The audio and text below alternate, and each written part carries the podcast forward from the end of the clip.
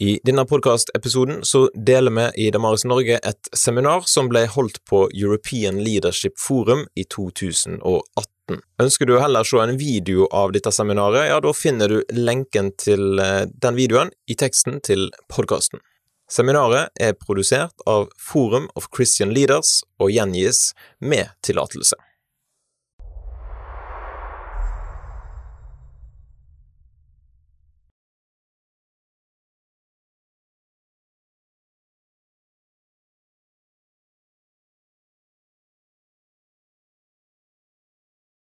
So, thank you for coming back this morning um, for us to think together about how we can learn from science communicators um, as we seek to change and challenge the culture that we find ourselves in. Um, now, Lars referred this morning um, to British culture, and, uh, and I have to say, British people, um, we have a cultural tradition um, which is like that we like to apologise a lot, um, particularly for things that are completely outside of our control, like the weather. Um, so I come this morning not so much with an apology, but definitely with a disclaimer, and that is that I am not a scientist. Um, I don't have a background in science at all. So, why am I here talking about science communication? Um, well, this stems directly from the work that I do at Tyndale House.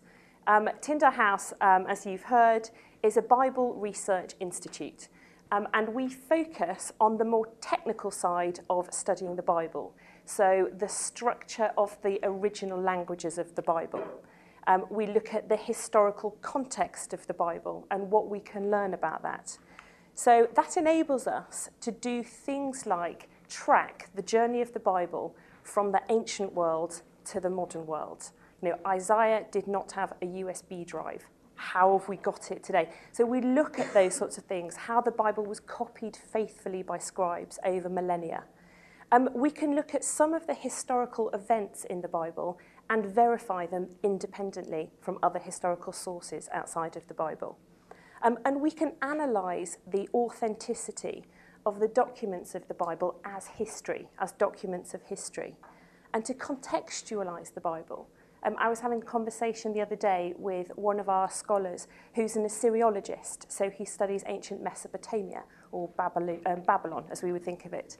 Um, and he was talking to me about, we think about the exiles um, through the view of the Israelites as exiles, but he can look at the, he can look at the exile through the view of the people who exiled and like why did they do that? So we can look at some biblical context. Um, my job is to take this quite academic quite technical research and communicate it um, at a popular level. So i always say the person in the street the person in the pew. Um, that's what i'm looking to communicate.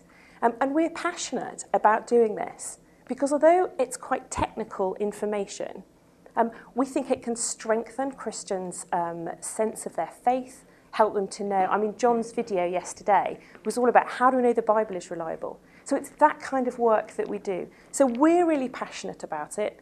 We think it could help people. But when I come to communicate it, there is a problem.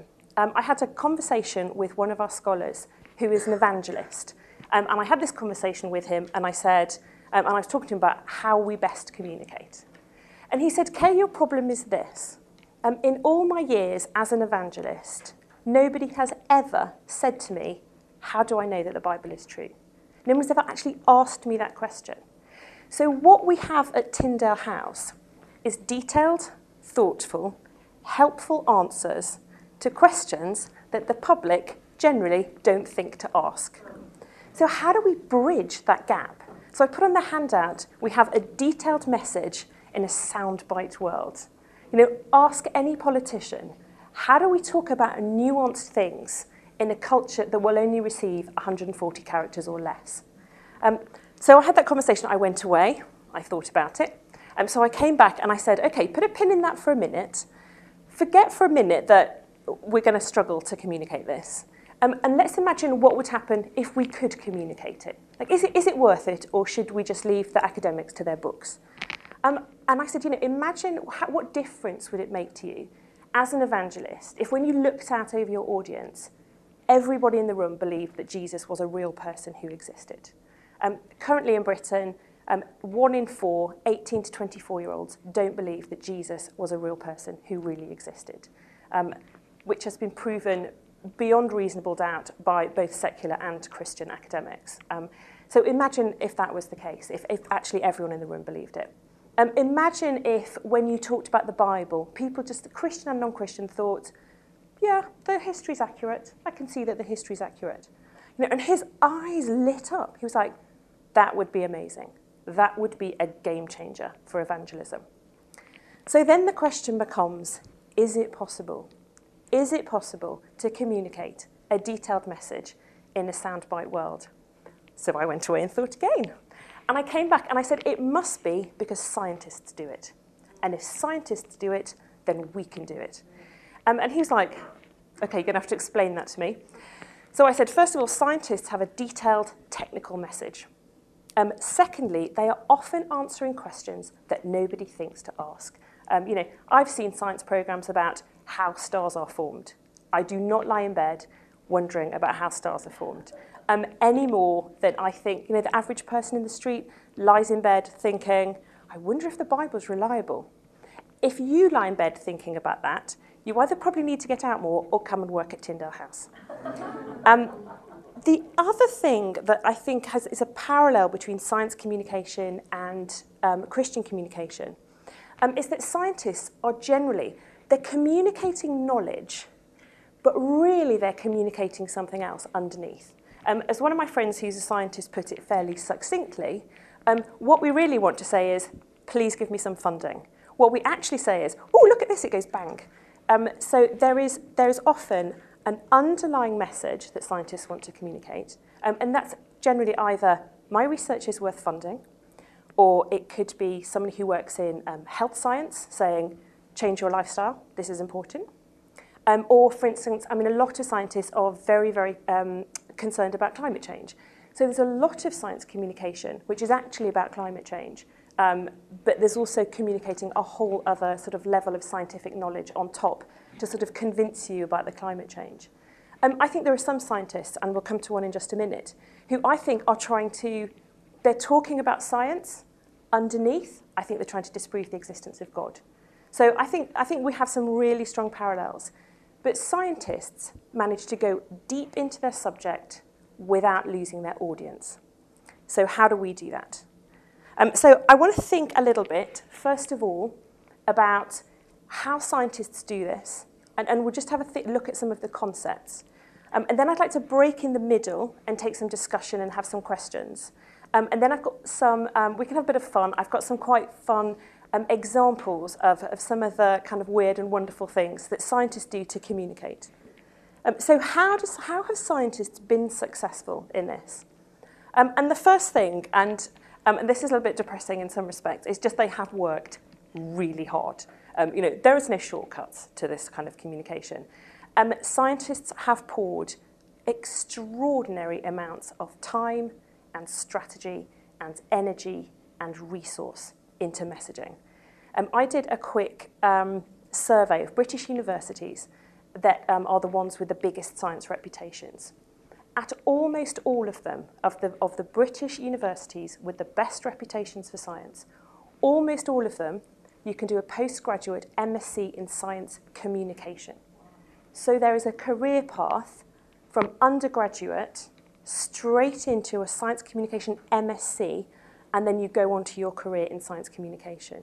Um, imagine if every major university in the UK had an MA in Christian communication. You know, I think that would put us in a different place on the map.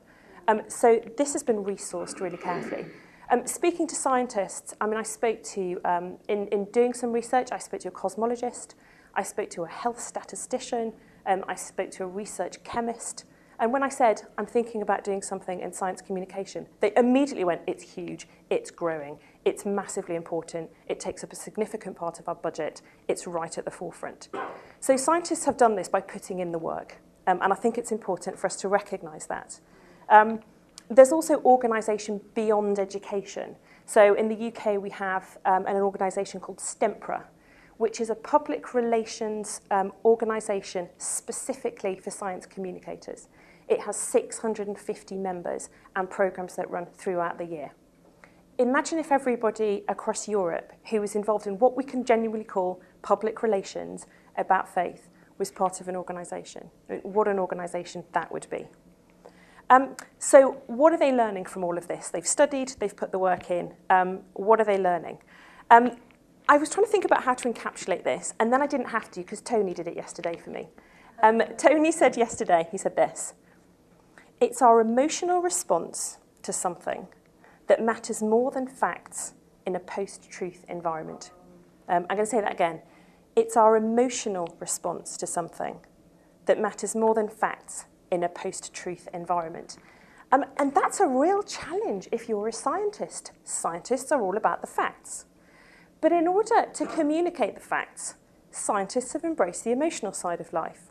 Um, I would say the darling of science communication in Britain at the moment um, is, is a, a vocal, potentially even militant atheist um, called Professor Brian Cox. Um, he's extraordinary at this.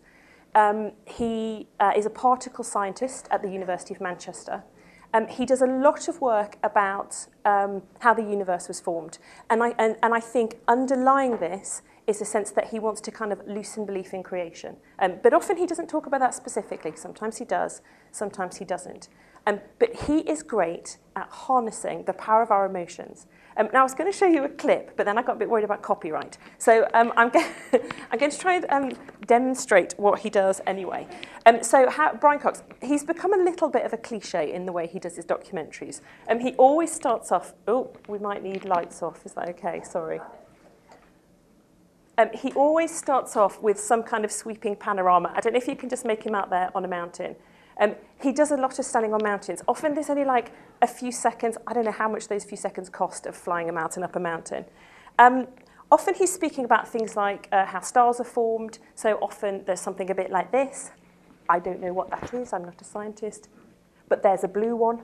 Um, so there's often, there's often something like this. And what you've got to imagine is sweeping panoramas and lights in the sky, and then there'll be the music, and on comes music, and it comes up with the violins to a crescendo of brass. I mean, it really is quite extraordinary. And then the oratory comes. Um, and this is taken from Life of a Universe, which is um, one of his programs about how the universe began, he thinks. Um, and he says this, and, and his voice comes over, um, and he says this Did our universe have a beginning? Why is there a universe like this one? If time began at the Big Bang, then was there a time before time? Why are there rivers and flows and filaments of galaxies? Is there an end of the universe, or is our universe eternal, by the end of which you are eating out of his hand? and he has really embraced this idea that if you want to engage with the public, um, dry facts are not going to cut it. Um, and I've really thought about this from a Christian perspective, and I thought that what could, could we do um, that isn't sort of emotionally manipulative? And I think the Christian, um, the Christian sort of uh, equivalent of Brian Cox is Handel's Messiah. You know that moment when you stand up and you go, and I defy anybody not to weep a tear at the beginning of Handel's Messiah. And yet there is Christian truth in there. So who is the Handel in this room that can do this stuff? So that's the first thing, public engagement. The second thing that um, scientists have been incredibly smart at um, is learning to make sure that the media is accurate in the way that it reports science. Um, and again, massively organised about this. Um, there are really strong parallels here as well. Um, so the Chartered Institute of Public Relations in the UK in 2013 did a report into um, science communication generally one of the things they identified was the decline in the number of specialist science journalists, which they see as a, a real problem in accurate reporting of science. Um, and I, I mean, I worked at the Sunday Times for um, a span of about nine years. Um, and I think the whole time I was there, Sunday Times is the biggest selling broadsheet uh, newspaper in the UK. Um, in the whole time I was there, in the Sunday Times itself, um, there was not a specialist journalist for faith.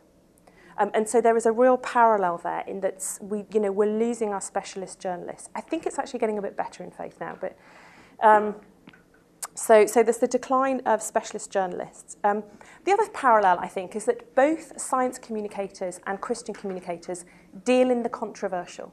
Um, you know, scientists, you know, the, the job of a scientist is to challenge the status quo. Christians are often butting up against um, the cultural norms. So I think there's a real parallel there. Um, one of the most intriguing parallels, though, I think, um, is about negative stereotyping. Now, I think as Christians, we tend to think we've cornered the market on negative stereotyping and that actually we're the ones who are negatively stereotyped. So it was really interesting to read that scientists are really concerned about negative stereotyping of scientists. Um, you know, the whole, um, you know, looking like Einstein and blowing things up. Um, and this, so this guy is called uh, Jean-luc Doumont, and he is an engineer with a PhD in applied physics, um, but he now works full-time as a trainer of scientists. Um, and he described the negative stereotypes that he thinks scientists get. And he says this Scientists are a little weird, and the things that happen to them aren't like the things that happen to other people. And in their weirdness, we worry they may be a little dangerous. When you meet scientists in books, usually the main character is trying to prevent them from doing something well meaning but totally disastrous. And have you noticed how scientists look? They are all old men with a lot of facial hair, and the women have something psychotic about them. Um, and you know that's that's his view of the negative stereotyping of scientists. So I think there are lots of parallels between um, media, how we're trying to handle the media, and how scientists are trying to handle the media. So how have scientists gone about this? Um, in their customary organised way. This is the Science Media Centre. Now, this exists in the UK, but there are science media centres across the world. They call themselves an independent press office helping to ensure that the public have access to the best scientific evidence and expertise through news media when science hits the headlines. So essentially, they're a group of people that um, journalists can go to and say, give me the baseline facts. You're impartial. I trust you. Just give me, you know, before I interview somebody, just, just tell me, just give me the lie of the land, as it were. Um, the other thing that the Science Media Centre does um, is if you've got a controversial, if you're a journalist with a controversial subject, they will give you um, people on both sides um, to talk to about that. Um, and that's been going for years, absolutely years, and is really credited with raising the standard of science journalist, journalism in the UK. So that's at the sort of big organised level. Um, there's also some fun stuff going on at the more grassroots level. Um, this is a website called Bad Astronomy.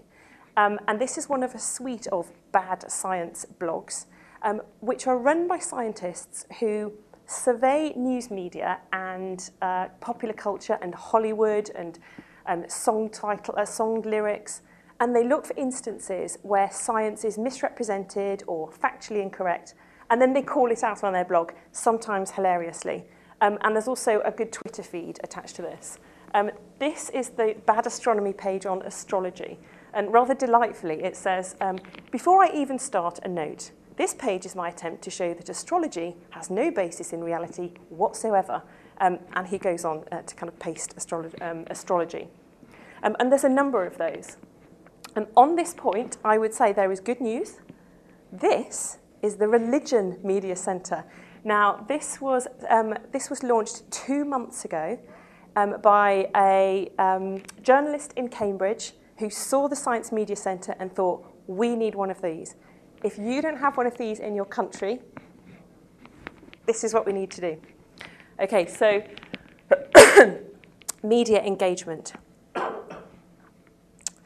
So I want to break in a minute and, and, and have a little time of discussion um, before we go into the examples. Um, but I think, first of all, I just wanted to think about um, what we can learn from science communicators. And I think for me, the biggest thing I think we can learn from science communicators um, is that there is space for us to wear a different hat in the public square. Um, what do I mean by that? Um, I think, generally speaking, when we see Christians in the public square, um, they are butting heads with the culture. You know, that's when we get invited in um, is when, and you know, to be fair to journalists, that's quite good practice. You know, if you have a controversial story, you've got to have one, you know, a good way of giving balance is show both sides, or essentially, you know, get the opposing arguments on, bring them on, and get them to fight it out. Um, but I think the problem, if that is all that we have, if that's the only invitation we're getting as Christians, um, I think that, that raises some problems. Um, I think, first of all, it makes people think that we only care about sex and death, because I think we generally get invited when it's an issue of sexual morality, beginning and end of life issues, maybe a bit of poverty. Um, that's where you see Christians, that's your slot. Um, and they are really important issues, and we should be in the public square talking about those. We really should. But if that's all we do, then I think, first of all, we give the impression that being a Christian is mostly about sex. Um, and I think the second thing is that it gives the impression that Christians are mostly combative. And I really like for us to break out of that and see if we can create some more space in the public square. Um, this is Dr. Tom Kitching. Um, he works in the Space Science Laboratory at University College London. Um, he's also a former researcher um, on Horizon, which is the BBC's flagship um, science programme. Um, he gave me his crib sheet about what um, secular science journalists are looking for. Um, and I'd be, I'll share that with you because I think there's some parallels. Um, but he said this, which I think is interesting. Scientists have become aware of the value of separating themselves out into those who present observable facts and those who communicate interpretation or the political layer. For example, David Attenborough, who is a nature journalist in the UK, um, won't talk about issues he's passionate about, such as climate change or the buildup of plastics in the ocean, until the very end of the series, creating a separation between the facts and the practical outworking. So scientists have realised that there is a bit of public mistrust around people with a strong agenda. Um, people kind of, they just view them differently. That's why newspapers, we have news on one page and we have comment on a different page, because you view it differently. What I think is happening in the Christian communication realm is we've got plenty of people in the opinion column and actually not enough in, in the news column with just, here's some information. Um, so what that looks like for us at Tyndale House, for example, is that we need to interrogate our, our research and say what's just fascinating and not controversial. Um, I, think, I think the journey of the Old Testament from the ancient to the modern is just fascinating whoever you are um, in the way that how a, how a star is made is fascinating, whoever you are. And I think we need to interrogate those. Um, I think we need to find the human interest stories and just try and occupy a different space in the public square with those. Um, so that's the first thing. Um, the second thing is that I think it's worth um, communicating knowledge about the Christian faith, about the church, um, for the sake of it. Um, even if it doesn't look as though it's directly um, evangelistic.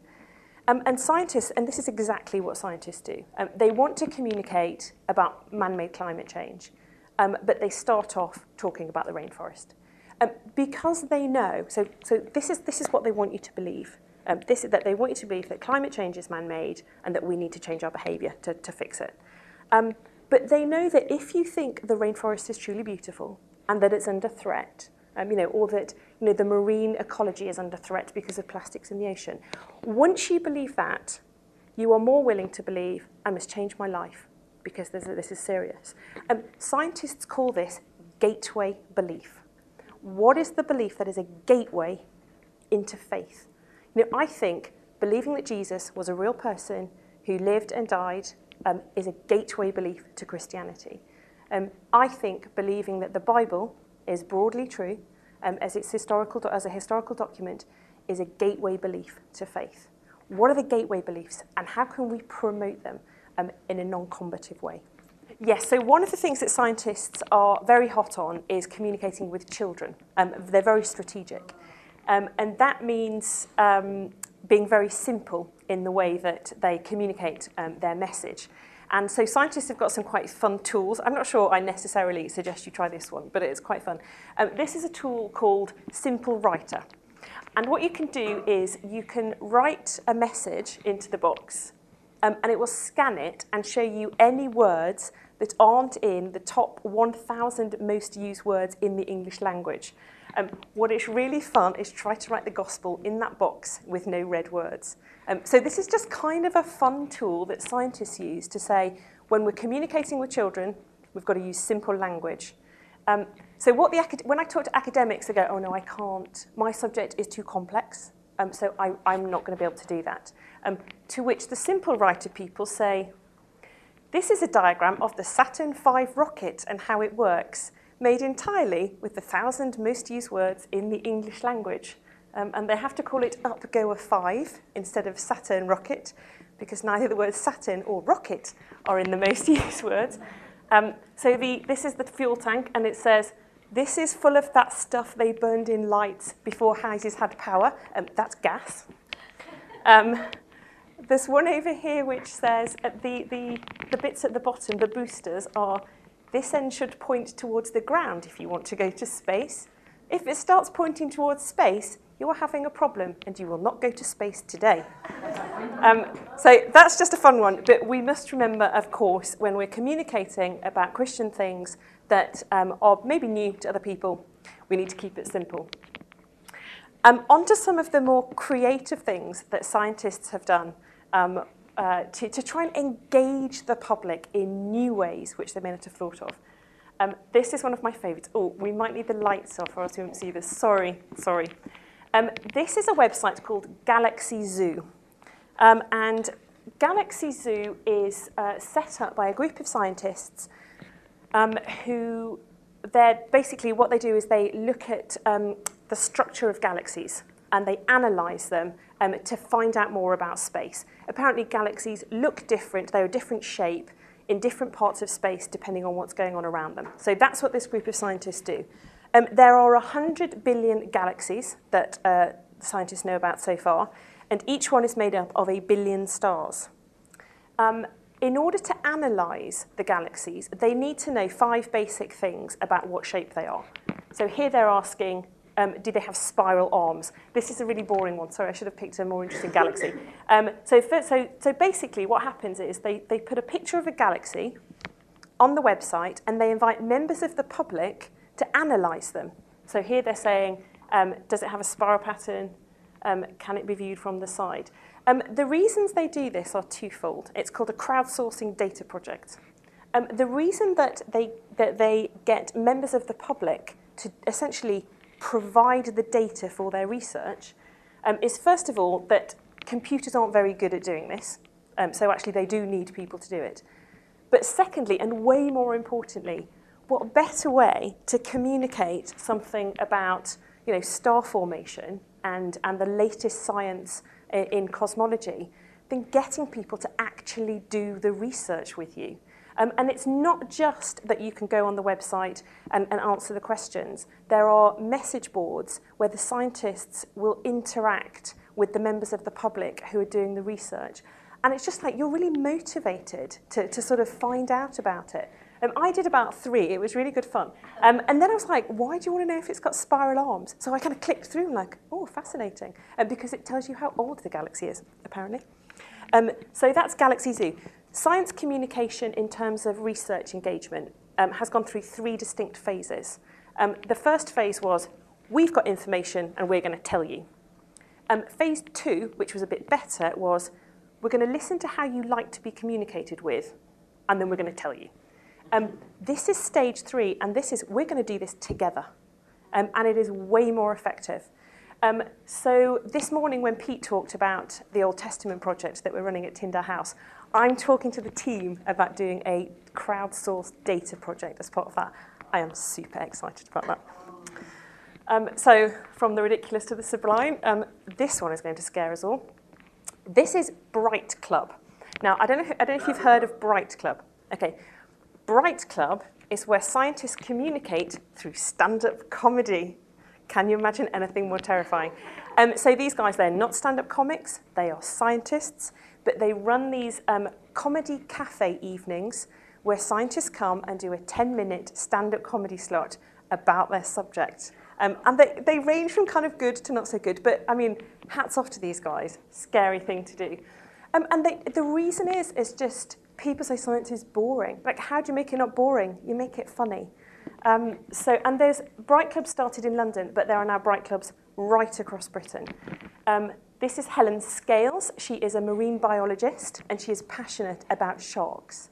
Um, so she did her stand-up comedy about sharks, but as she says, there's a serious message behind all of this, which is that each year millions of sharks are caught and killed, but it's hard to raise public sympathy because of widespread and irrational fear about sharks. I think there is nothing irrational about fear of sharks. Um, but there you go. So, stand up comedy, maybe that's for you. Um, so, this next one is called Planet SciCast. Um, and now this is really interesting. This is run by the Institute of Physics in Britain. And what they wanted to do is to encourage um, filmmaking that portrayed um, truth about science. So they wanted to communicate science through filmmaking. So you would think um, that they would go away and make some films about science, but they didn't. Um, what they did is they ran a competition and invited other people, non scientists, to go away and make a film about science. Because they know that if you watch a film about science, a short film, you might remember it, you might not. If you make a film about science, you are always going to remember that science. Um, you know, you're going to get your family involved. So there was a category for children, a category for schools, a category for adults, and a category for other. If you're not a child and you're not an adult, I, I don't know what that is. But anyway, there was. Um, and they got 500 entries from across Britain um, for this competition. Um, and they were just some really extraordinary ones. Um, and again, children, you know, it was a really an opportunity um, for children to get involved um, in science. So that is Planet Psychost. Um, the next one, uh, ooh, this is Science in the Sand. Um, so this was done in Brighton, um, and a group of neuroscientists went down on the beach um, and they did science sculpture. So these are neuroscience, these are brain scientists. Um, so they, it was quite amazing. So they did, did a sculpture of them. Yeah, you can really see where this is going, can't you? Yeah.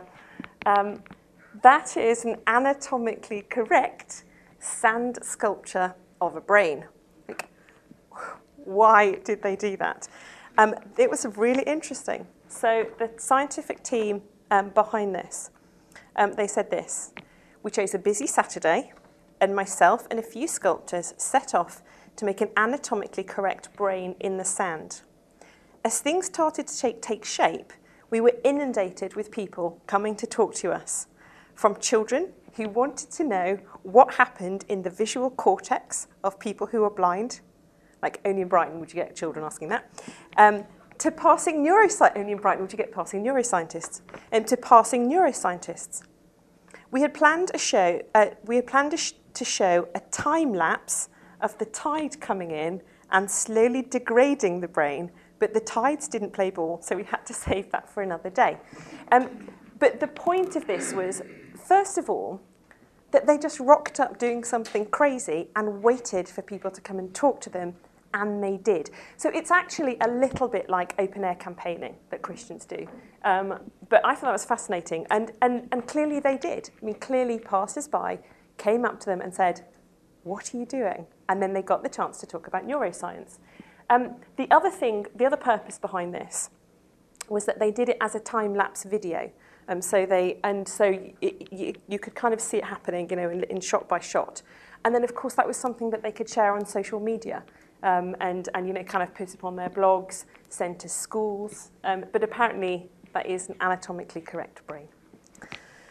Um, and finally, so this is a slightly this is a slightly different one from the creativity, but I think this is a really really interesting topic for us to consider uh, more clearly. And some of you will know much more about than I do about this. Um, this was an article in Wired uh, magazine about how um, AI bots um, are poised um, to really take hold in journalism. Um, you know, this idea that actually you can just set up an algorithm that can write news stories. Um, and, and what does that mean for the future of journalism? And that's coming just as much to faith journalism as it is coming to science journalism.